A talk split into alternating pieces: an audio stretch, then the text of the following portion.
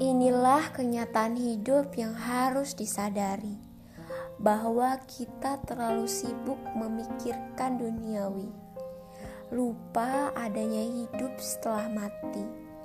Lupa akan kodenya Allah yang harus kita yakini. Lupa akan karunia Allah yang harus kita syukuri.